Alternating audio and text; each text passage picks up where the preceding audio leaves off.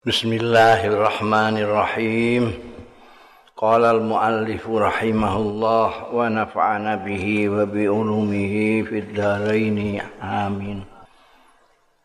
Babun wa yu'siruna ala anfusihim.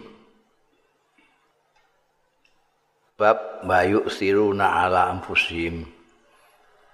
Iki ngambil saka sipate wong-wong ansor yuk siruna ala yuk sirun itu isar itu ngalah kanggo awake untuk orang lain. Iku saiki barang langka ada sifat terpuji yang namanya isar. Zaman periode awal Islam namanya kanjeng Rasul Shallallahu Alaihi Wasallam itu menjadi budaya isar itu. Mendahulukan itu sifat aslinya sahabat-sahabat Ansar. Ketika orang-orang muhajirin datang dari Mekah bayangno Mekah Medina itu sekitar 600 700 kilometer Mereka ada yang naik unta, ada yang jalan kaki. Meninggalkan rumah, meninggalkan warung, meninggalkan kebun, meninggalkan segala-galanya untuk menderek no kanjeng Rasul Sallallahu Alaihi Wasallam. Bayang no melaratnya orang muhajirin datang ke Medina. Wajib melarat kabeh. Mana nih Quran disebut al-fuqara al-muhajirin orang-orang fakir muhajirin. Baliknya orang-orang Madinah yang didatangi mereka ini itu senangnya bukan main. Karena senang karena mereka mempunyai rata-rata mempunyai isar sifat isar karakter isar Jadi semua yang datang persilahkan. Koyok kanjeng Nabi itu sing waktu rawuh pertama kali di Madinah bersama Sayyidina Abu Bakar itu, wah kiri kanan nawani, monggo memiliki mawon. Demikian pula nanti orang-orang muhajir yang datang itu ditawani monggo teng griya kula mawon jembar mungkin kula mawon jedinge rae ngono bangsane ngono lah nek cara saiki. Itu kalau di situ itu kamare mau siji yang punya rumah ya ngalah. Sampean di sini. Lah sampean aku gampang aku wis ning kene wis suwe. Mulai cilik mulai bayi aku wis ning kene wis suwe nggoni kamar iki. Sampean ya. Sampean jadi ngalah untuk orang lain dia sendiri terima turun yang pawon apa apa pokoknya. Apa jenenge? Tamu ini. Orang muhajirinnya ini mendapatkan perlakuan yang baik. Itu isar ngalah untuk orang lain.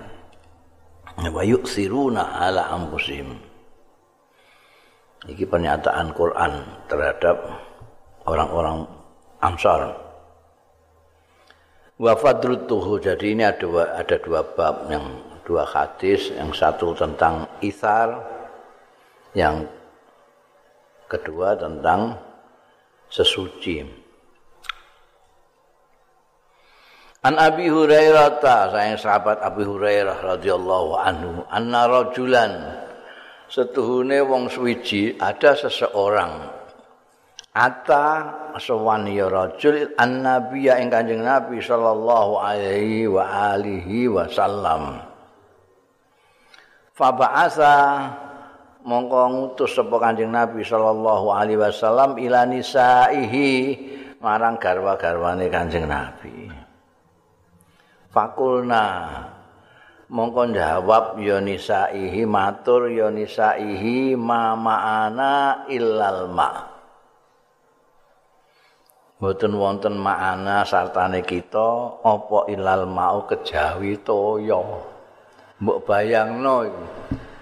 Anjing Nabi itu garwane ana Siti Aisyah, ana Siti Khafsah, ana Siti Maimunah. Semuanya tidak punya apa-apa pada saat itu ya. Lalu kanjeng Nabi Muhammad Sallallahu Alaihi Wasallam ora kaya wong saiki, wong saiki ku ngambut gawe nek iso ngantek kanggo pitung turunan. Kanjeng Nabi ku tek plung kaya manuk barang iku. Hari ini cari untuk dimakan hari ini, besok ya besok cari lagi. Manuk rak ngono. Rata-rata itu. Jadi mungkin kadang-kadang hari ini wah rada lumayan, besok gak ndi apa-apa. Ini pas ana tamu sowan Kanjeng Nabi, ya Kanjeng Nabi itu kan yang menganjurkan hormat tamu. Jadi orang yang paling dahulu menghormati tamu dengan baik itu Kanjeng Nabi. Tamu garwane ditakoki kabeh duwe apa ya ana tamu. Oh aduh iki. Ngono iku minimal kan kurma ya kurma syukur nek ana sampil wedhus ngono susu. Giga wis bejane rajulan iki ya tamune iki. Pas sowan Kanjeng Nabi takokno ning nguri mboten gadah napa-napa gadah banyu tok. Makulna, jadi nisa, jadi garwa-garwane. Karena kanjeng Nabi itu garwane itu enggak kayak neng kene kamar omah gedung enggak kayak kamaran godaan-godaan. Dalam garwa-garwane didangu kabeh jawab mau duwe ini banyu Faqala mongko dawuh sapa Rasulullah sallallahu taala alaihi wa alihi wasallam. Oh, lengkap temen nek dengaren iki nek selawat ya. Ana ta'alane bareng. Kanjeng Nabi terus dawuh ning ngene sahabat-sahabat, "Man yadummu sapa sing arep ngrengkuh, sing arep ngajak, sing arep menyilahkan, mengarep gelem ditamoni." Yadummu au yudifu. Sakun minar rawi au yudifu. Sapa sing gelem eh hormat tamu nyugoi hadza ing wong lanang iki sapa Kanjeng Nabi kalau beliau sendiri tidak bisa karena tidak ada ditawarkan sahabat-sahabat yang lain siapa yang mau ini menghormat tamuku ini Faqala rajulun minal ansar. Nah, ini salah satu orang ansar yang saya tadi ceritakan. Ansar itu mempunyai karakter yang menjadi karakternya bangsanya Ansar. Jadi kayak ning kene wong desa iku ora kok siji-siji ngono sing loman. Hampir semua orang desa kan lomo kabeh. Kuwi mlebu ning diae mesti disugoi. Iku ning kono yang ngono Ansar itu gitu. Ya. Orang Ansar itu. Nah, ini salah satu yang jawab kanjeng Nabi, rojulun minal Ansar. Ana, kulo kanjeng Nabi. Padahal ini durung takok bojone ya. Pokoke ana, kulo. Pun kesane nderek kula kok. Dadi tamu kula. Fantalaka mongko budalan ya rajulun minal ansar mau bihi kelawan rajulan tamune Kanjeng Nabi Muhammad sallallahu alaihi wasallam mau. Ila imraati maring omahe maring garwane rajulun minal ansar. Faqala mongko ngendika sapa rajulun minal ansar, akrimi dhaifa Rasulillah sallallahu alaihi wasallam. Iki dihormati ya. Mulya ana sira wadon Rasulillah ing tamune Kanjeng Rasul sallallahu alaihi wasallam. Iki tamune Kanjeng Rasul dihormati. Fakolat mongko matur sapa imraatuhu mau ma indahna illa kutu sibyani. Mateng aku. Sekadung nyagoi dadak. Ma indahna. Mboten wonten indahna ana sanding kita. Apa illa kutu sibyani? Napa jatah maeme anak-anak kula dadi duwe anak pirang-pirang anak-anak iku ya ana anganan tapi untuk anak-anaknya itu hmm. beres wae terus garwane iku ngono. Niki wonten tapi kangge anak-anak niku jatah anak-anak kula. Faqala mongko ngendika sapa rajulun minal ansar wis hayyi ta amaki. Wis nyiapno sira ta amaki ing pangananmu, panganmu sing jarine wae kutu sibyani iku tata ae. Disiapno. Wa asbihi sira jaki.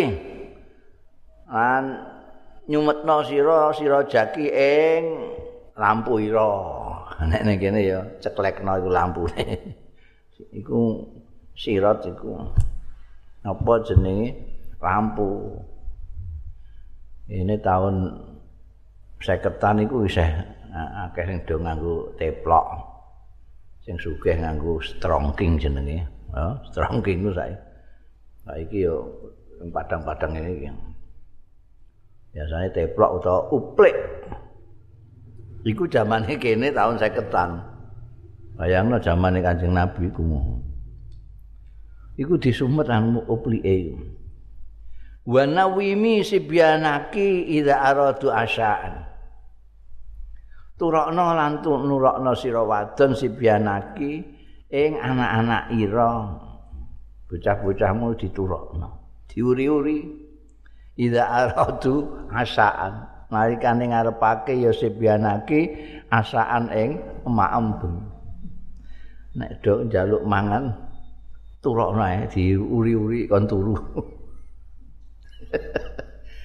fahayyat mongko nyiapake sapa imraatuhu to amaha ing pakanane. Sak duwene imraah iku mau sing kanggo anak-anake disiapno. Wa asbahat lan nyumet ya imraatu sirajaha ing lampune imraah. Wa nawamat lan sesuai instruksi bojone wa nawamat lan nurakna sapa imraatuhu sibyanaha iku kaken hak iku sono sihyane apa sibyanaha ing bocah-bocahe imraatuhu Lah wis disiapno kabeh sumakomat. Iki sing menarik. Sumakomat monggo keri-keri jumeneng. Iya imraatuhu. Kaana kaya-kaya setuhune imraatuhu iku tuslihu sirajaha. Iku nek kowe ora tau menangi uplik teplok ya, teplok iku ana ulirane ngono. Nek keliru ngulire nek nengen apa ngiwa. Ngiwa iku murupe tambah gedhi jadi padang. Nek kenengenen iso mati kenengenen dia ana ulirane ngono. Pit padang pit rada peteng teplok iku iki. Ini ngadek ke anak kaya-kaya setuhune imraatuhu iku tuslihu. Matutake benakno ya imraatuhu sirajaha ing lampune imraatuhu. Gayane gayane kaya apa jenenge? Arep benakno iki menggedhekno apa piye? Tapi jane faat-faat. Mongko mateni sapa imraatu hu ing sirat diklirokno ora ngiwa tapi nengen. Mati. Lampune peteng malah. Padahal tamune wis linggih ning ngarepe rampadan daharan iku mau, lampune malah mati. Iki sepuluh mat adane kok keliru malah mati, malah mati ki piye? Dipateni. Gayane kaya ndandani tapi sebetulnya ini. Faja'ala mongko ndadekno mau dadi sapa rajulun minal ansar mbek imraatuhu mau yuriyanihi ngetok-ngetokno iya rajulun minal ansar lan imraatuhu ngetok-ngetokno ing rajulan sing atan nabi mau ngambek tamune maula dhaifur rasul dadi gayane ngetok monggo monggo monggo kaanahuma kaya-kaya karone rajulun minal ansar mbek imraatuhu iku yakulani dahar karone. Yo. Jadi makanane disiapno terus pateni lampune terus wong loro iku mung wis wis rembukan wis wis kangsenan ya wis ngono pateni lampune iki ngono wayahe mangan nek dipersilahkan kene wedok-wedok melok mangan ngrahapi tamu. Tamune kan sungkan nek mangan dhewean ora dikancani sahibul bait engko kene awake ya kecap-kecapan monggo monggo monggo. Kaya-kaya yakulani tapi pabata monggo bengi-bengi sapa rajulun minal ansar mbek bojone iku tawiya ini ngelempet kabeh wetenge. Lesu banget. Ora dahar kabeh. Gayane kaya dahar padahal oh ora dahar kabeh. Ya sing dahar ya mok tamune tok tamune tok. Monggo monggo monggo niki kula tak niki mawon monggo niki ono niku lakon. Falamma asbaha mongko bareng isu-isuan ya rajul mau goda mongko berangkat isu-isuan ya wong rajulan minal rajulun minal ansar mau ila rasulillah marang kanjeng rasul sallallahu alaihi wa alihi wasallam isuke terus sowan kanjeng rasul begitu sowan madhep kanjeng nabi langsung kola dawuh sapa kanjeng rasul sallallahu alaihi wasallam dohikallah gujeng sapa Allah Nah, Gusti Allah nggujeng ra nguk kaya wong, kaya makhluk gak maksude ridho. Tapi bahasa dibahasakno bahasa manusa, bahasane makhluk, ya. Didono nek Gusti Allah itu rena, Gusti Allah itu ridho, Gusti Allah itu seneng. Dibahasakno kaya bahasane wong nek seneng. Ambekan kudu guyu ya dohika. dohika ngujeng sapa Allah. Alailata bengi iki. Durung matur apa-apa lha iku. Lagi sowan ngerti nek iki sing gawa tamune. Gusti Allah Gusti Allah ngujeng di bengi iku au ajiba min fa'alikum. Utawa gawok min fi'alikum saking tindakan nira loro kowe mbek bojomu iki. Gawok. Terpesona ajiba iku. Allah terpesona melihat perlakuan kalian berdua. Eh, etok-etok mangan barangan padahal wetenge nglempet. Fa anzalallahu ta'ala mongko nurunake sapa Gusti Allah taala. Wa yu'siruna ala anfusihim walau kana bihim khasasah wa yu'thiruna lan padha ngalah dhisikno wong liya isar iki mau ya. Sapa tak durunge alladzina yatabawwaul ha alladzina yatabawwa'ud dar wal iman orang-orang ansor mereka yang menyiapkan rumah mempersiapkan iman untuk saudara-saudaranya orang muhajirin. Wa yu'sirun rujuke ngene alladzina yatabawwa'u. Artinya wong Ansor.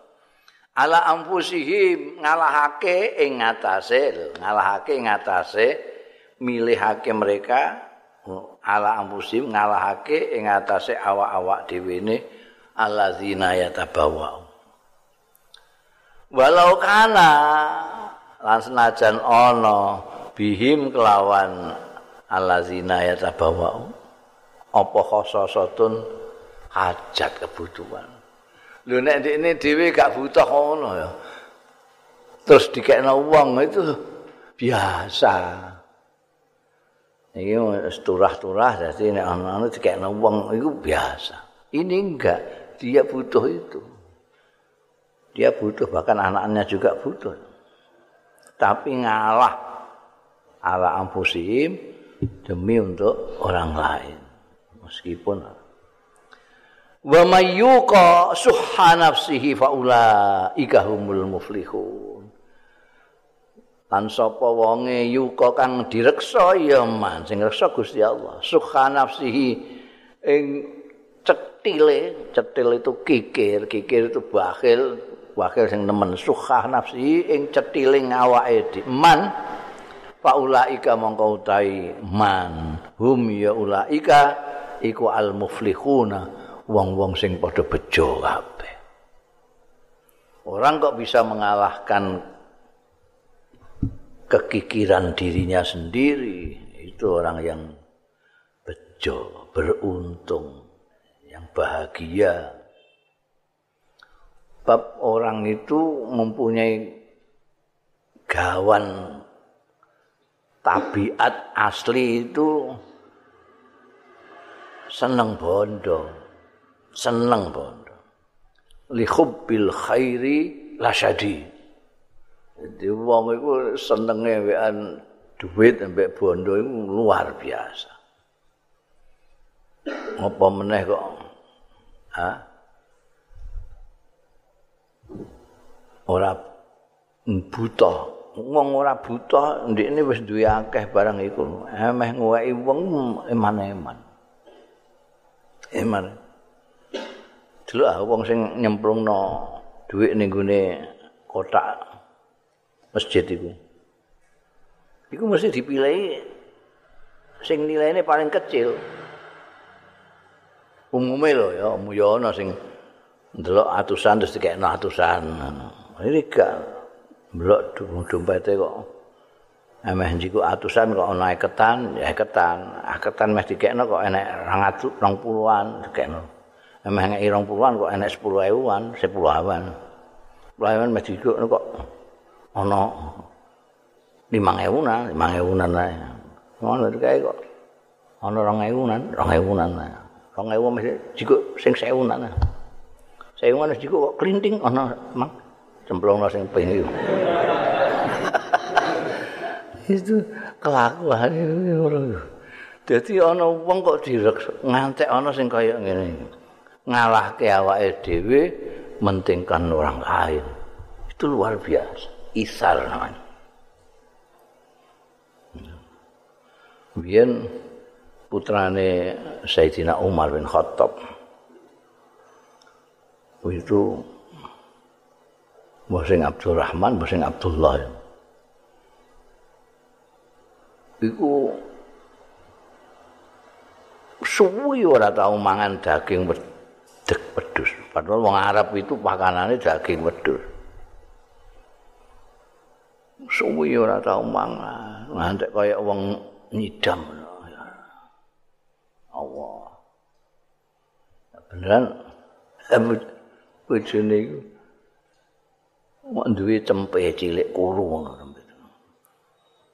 Ya cempe turu, wis disembelih sembelih. Aku gak betah iku wah nemen tok. Kepengin buang itu. Mau pirang tahun aku gak tahu nyate. Ya disembelih. Cempe cilik kuru sisan disembelih gara-gara mau Karena memang pada saat itu sedang paceklik. Sedang paceklik. Bareng mateng, sarap di dahar, ramane rawuh, ramane kepala negara. Itu ana mampu sate. Ini nyebleh, nggih cempe alit menika pun. nidam nika yang mbak ini. Kowe gak ngerti iki. Ini lagi cek paceklik. Wong akeh sing gak mangan iki. Nggih terus pundi? Lah ya kowe apa mentolo. Angga tanggamu gak mangan kue nyate. Ya terus pundi? Ya dibagi aja dibagi. Wah, terima anu ae. Pemben-pemben aja ono. wektu mangan sate. Iki saiki perlokno wong-wong sik. Nggih, nggih. Mantap kap. Ya itu ya biasa itu. Kayak dielingno adanya paceklik orang-orang banyak yang tidak makan. Sudah.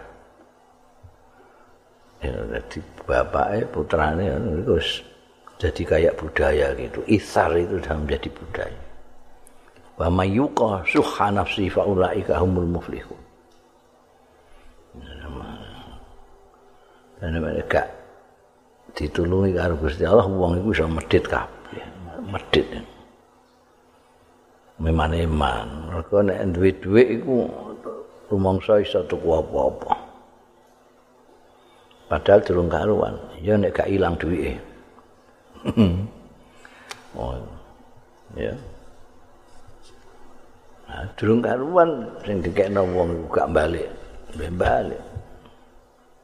Tapi ora hitungan itu orang-orang sahabat zaman dulu terutama yang dimulai dari Ansar ini tidak itu. Pokoknya sifat aslinya itu karakternya memang mau mendahulukan orang lain. Kayak apa pun kebutuhan dirinya sendiri. Walau kana bihim khosasa. Bundel An Abi Hurairah radhiyallahu anhu saking Abu Hurairah radhiyallahu anhu anna nabiyya setuhune Kanjeng Nabi sallallahu alaihi wa alihi wasallam. Qala dawuh sapa Kanjeng Nabi sallallahu alaihi wa alihi wasallam dawuh li Bilalin marang Bilal bin Rabah muadzine Kanjeng Rasul sallallahu alaihi wasallam. Inda salatil fajri nalikane salat ajar bu subuh kanjeng nabi ngendikan karo Bilal ya Bilal he Bilal hadis ni nyritanono sira ing ingsun bi amalin. Kelawan luweh mbok harap-harap ke ngamal amil tahu sing ngamalno sira ing amal fil islami ing dalem Islam. Fa inni mongko ingsun sami tu iku mireng sapa ingsun ngrungu dafana laiki ndak laika ing ketukannya trumpahira swara trumpah srek-srek apa ketukan nek mlaku iku suara sandalmu muni ngene iki iku apa jenenge apa Pelorak-pelorak mesti gak iso. Apa? Iki lho, Pak. Ku sono sandal ya. Apa? Sek-sek. Eh, ya sak karepmu. ketukan anu itu ya. Ketukan sepatu, ketukan sandal ya. Daf itu kan kayak duf itu sing dikenekno kok terbang sing ditutuk-tutuk ini. Dafana alaika itu ya iku suara ya, ketukannya terumpah loro ira baina yadai ana ngarep ingsun fil jannati dalam swarga. Jadi Kanjeng Nabi Muhammad sallallahu alaihi wasallam nalika mi'raj ning swarga kono krungu srek-sreke sandale bila. Mulane lah esuk-esuk mbayang subuh iku terus ndangu sahabat bilang sebetulnya apa sih kira-kira amalmu yang paling kamu harap-harapkan dalam Islam ini apa? Kok sampai saya mendengar itu terumpahmu aku aku jelas ini terumpai Bilal ya. Orang itu kan srek-sreknya itu beda-beda Mungkin karena apa posisi kakinya apa gede cilike kaki apa sandale sing beda ana sing tok tok tok ana sek sek sek ngono tok ana sing kresek kresek ana Kanjeng Nabi niteni iki anu Bilal iki. Lu apa? Orang itu kan mempunyai amal yang macam-macam. Mungkin kamu itu aku ini yang tak kira-kira tak harap-harapkan pahalanya banyak ini kira-kira sholat saya. Saya mungkin sedekah saya. Nah, itu nada itu. Lah itu ditanyakan Nabi Kanjeng Rasul sallallahu alaihi wasallam pada bilang, apa sih kira-kira amalmu yang paling kamu harapkan dalam Islam ini apa? Kok aku mendengar resek-reseknya sandalmu di surga. Kala matur sapa bila? Ma'amil tu kula niku mboten ngamal amalan ing amal arja ingkang langkung kawula harapkan indi menggah kula.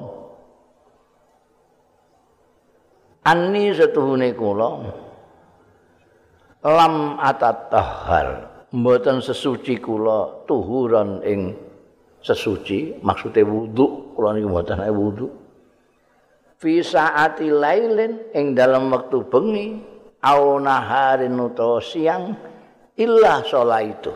Kejawi salat kula bidzalika tuhur sebab mengkono-mengkono wudu wau sesuci wau. Maku tiba selagine di tentukan li marang kula apa an usollia yen to salat sapa ingsun selama saya harus salat maka saya wudunya itu selalu saya iringi dengan sholat dua rakaat. Itu jawaban. Kula niku mboten dadah ngamal, ngamal kula nggih sing paling kula harapkan gini. Nek kula niku sesuci wudu, cek dalu, cek enjing kapan mawon kula mesti sholat dua rakaat setelah sesuci. Mane riwayat banyak mengatakan bahwa Bilal itu tidak pernah Bilal itu tidak pernah tidak suci. Mergo nek batal kapan saja wudu. Keistimewaannya Bilal itu. Jadi Bilal itu kapan saja, mbah bengi, mbah kalau batal wudu. Kalau wudu terus sholat dua rakaat. Jadi istimewanya itu setiap habis wudhu sholat dua rakaat. Mau sholat sunat, mau sholat pokoknya ketika saya harus sholat, saya akan ambil wudhu dan sebelum sholat saya akan sembahyang dulu dua rakaat sunnah, sholat sunnah. Itu terus anjing Nabi. Nah, jadi termasuk orang yang sudah anu ini swargane trompai krungu ning kono. Jadi ini ana wong kemlete saiki muni pokoknya kalau tidak ada ajaran dari Rasulullah sallallahu alaihi wasallam. Bid'ah. Kulo bid'atin dolalah wa kulo dolalatin finnar. Mlebu neraka. Nek ngamalno amal orang nganggo tuntunannya kanjeng Nabi Muhammad Sallallahu Alaihi Semua harus dari kanjeng Nabi karena agama ini kan dari Rasulullah. Kalau tidak dari ajaran Rasulullah, oh itu tidak bisa. Nah ini nek, ini keajaran kanjeng Rasul. Mengkanjeng Nabi dangu. Dan ajaran kanjeng Rasul, apa dangu barang? Orang tahu, ajaran Nabi orang dawui, orang anggil bar wudu salat nang rakaat ya enggak tahu apa nyontoni? Ya enggak mulane perlu ning ngaji ku ya supaya ora mlete-mlete ngono ana sunah iku sing kauliyah dawuhe kanjeng Nabi ana sing amaliyah fi'liyah iku tindakane kanjeng Nabi ana sing takririyah kaya iki. Jadi kanjeng Nabi ora nyontoni, tidak mengatakan, tidak menganjurkan, tapi takrir, mengakui perbuatan itu baik. Dia kudu ngerti. Wah itu kan istimewa tuh, istimewa. Jadi nek diharap-harapkan paling diharapkan itu ya pantas sekali. Tidak pagi, tidak malam, sab, tidak dingin, tidak panas, tidak kapan saja. Begitu batal, apabila mesti wudhu. Apalagi mau sholat, wudhu. setelah wudhu, sembahyang rakaat. Saiki kemudian menjadi sunnah itu. Kalau kamu habis wudhu sunnahkan sembahyang dua rakaat. Itu sunnah takririyah maka aslinya sapa? Bilal bin Rabah. Babu da'at al-um waladaha Bab undang-undang sapa al-umum mbok. Waladaha ing anake um fisolati ing dalem tingkah sembahyang. Itu satu bab. Wattiba unisa lan bab anggone ngetutake wong-wong wedok aljana iza ing jenazah jenazah. Jadi ada dua babnya ini, dua hadis berarti. Yang satu tentang mbok sing undang-undang anake nalika salat. Anake salat diundang-undang. Ini penting ini. An Abi Hurairah ta diriwayatake saking sahabat Abu Hurairah radhiyallahu anhu kala ngendika sapa Abu Hurairah kala dawuh sapa Rasulullah sallallahu alaihi wasallam nadat imraatun Kanjeng Nabi menceritakan nadat undang-undang sapa imraatun wong wedok ibnaha ing anake imraah. Wa huwa kali utawi ibnuha iku fi saumaatin fi saumaatin ing dalem tempat peribadatan Beda itu ada namanya mbiyen iki durung saiki nek saiki jenenge ya paling ora musala nek gak masjid. Ya nek mbiyen ya biara apa wihara tempat-tempat ibadah kan jenenge macam-macam. Ana gereja pokoke umumnya jenenge tempat ibadah saumah biasanya dinggo jungkung salat kaya sing apa miliknya Sayyidatina Maryam.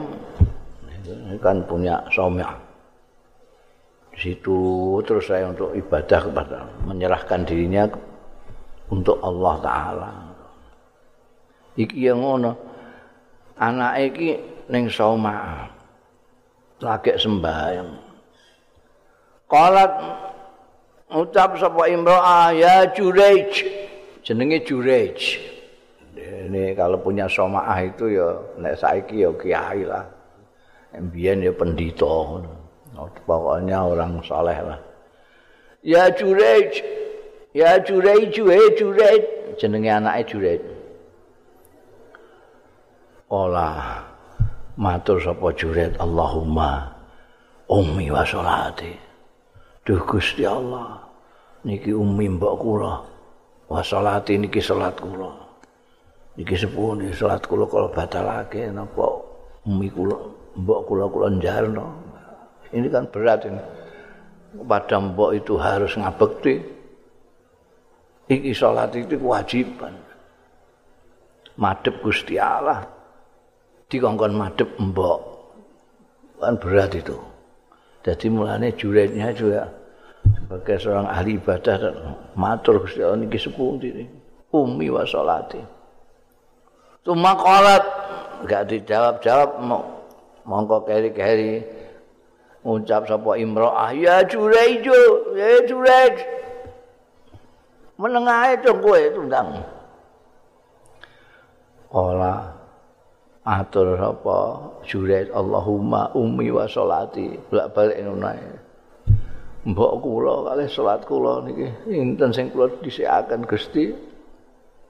Summa qalat moko keri-keri. Gempor neh imra'ah ya juret eh juret juret tetep isih untuk jawaban. Isih matur neh Allahumma ummi wa salati mbok kula Gusti wa salati lan salat kula.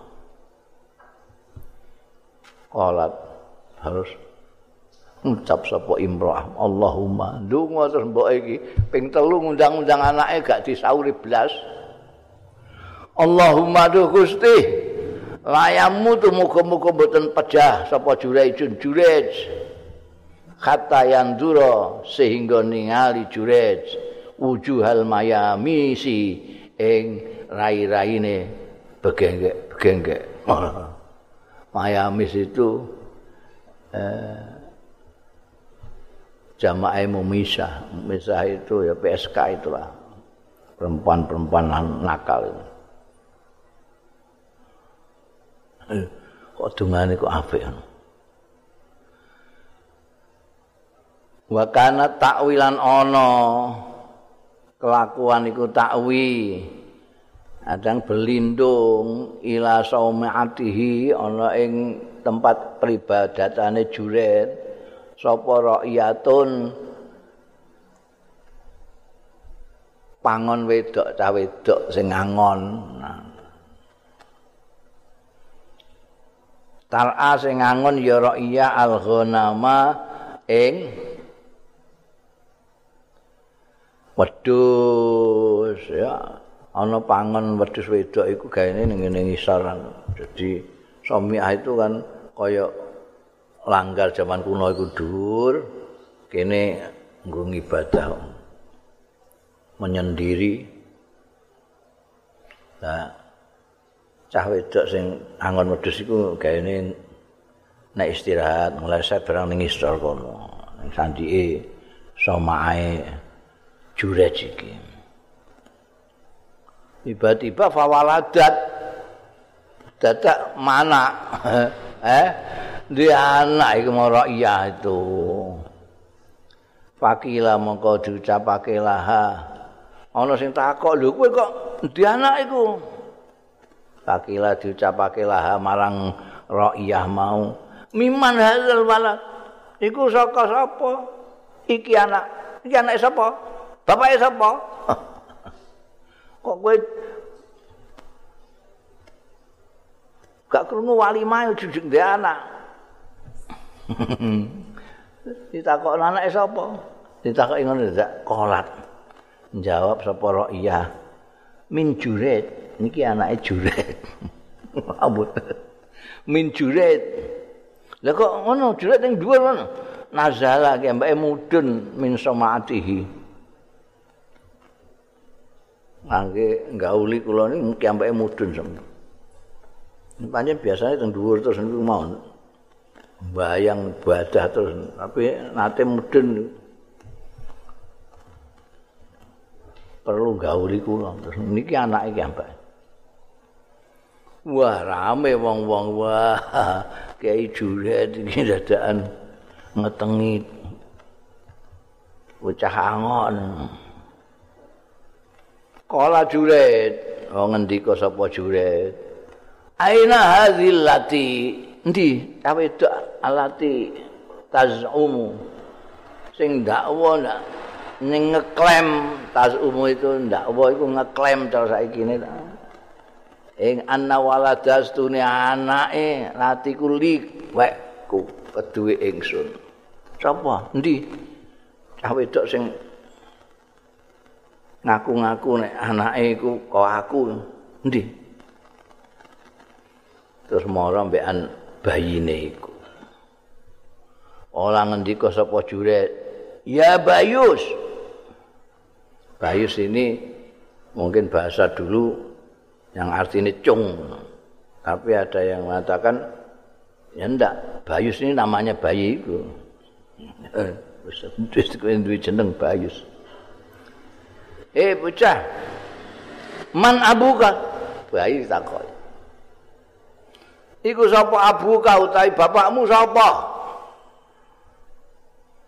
Kala jawab sapa bayu iki mau, apa anake iki mau, bayi mau. Bapak kula Rail Ghanam. Bapak kula pangon niku kancane mbok kula niku. Jadi selain Nabi Nabi Isa itu ada bayi yang bisa ngomong lagi yaitu yang dikisahkan kanjeng Rasul Shallallahu Alaihi Wasallam yaitu anaknya Pangon Wedok yang dakwa Kiai Jurej itu yang mempunyai anak itu. Nah, ini menarik ini. Jadi kasusnya itu orang sedang sholat menghadap Allah Subhanahu wa taala dipanggil ibu. Ibu ini orang yang paling penting, yang paling penting dalam kehidupan dan itu sampai kanjeng Nabi Muhammad Shallallahu Alaihi Wasallam dibandingkan dengan ayah saja tiga kali lipat. Itu kan hadis itu viral, populer sekali itu. Kanjeng Nabi dawuh umat, umat, umat tiga kali baru abad siapa yang harus saya patuhi, siapa yang harus saya hormati. Mbokmu. Lalu siapa? Mbokmu. Lalu siapa? Mbokmu. Lalu siapa? Baru bapakmu. Menunjukkan bahwa ngabekti karo mbok ini berlipat kali daripada ngabekti dengan bapak. Karena mbok itu yang mengandung, yang itik-itik waktu kecil, yang tidak tidur ketika semua orang tidur karena ngurusi bayi ini. Jadi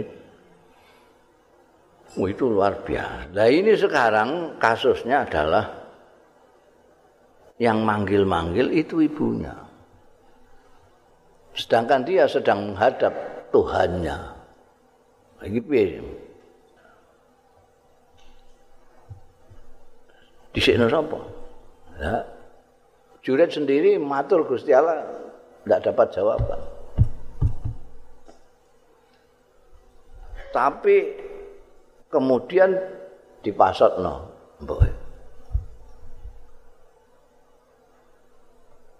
Menariknya pasotane mbok itu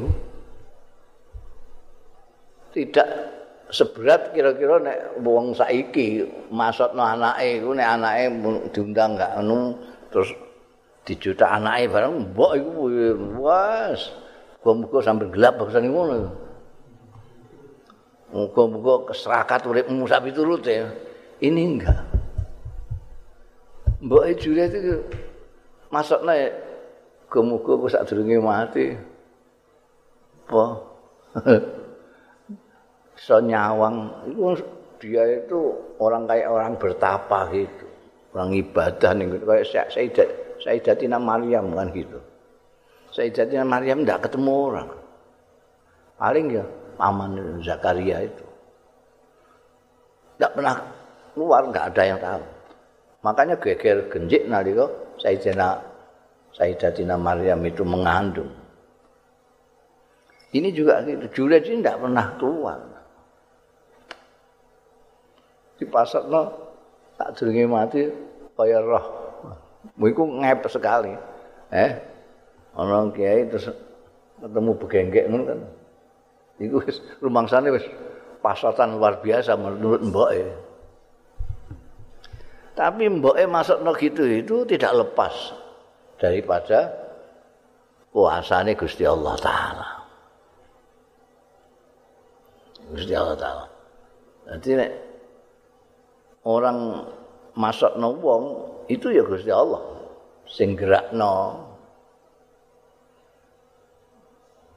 Gusti Allah gerakno mbok iki masukno ora sing berat-berat tapi sing ringan Kenapa? Karena meskipun juret ini ketoke kaya tidak ngabekti karo wong ditimbali kok gak nyauri tapi dia punya alasan dan alasannya itu alasan yang sangat-sangat bisa diterima karena sedang menghadap Tuhan. Dia mendahulukan Allah. Bukan karena tidak taat sama ibu. Orang gatekno ibu, mengabaikan ibu, tidak.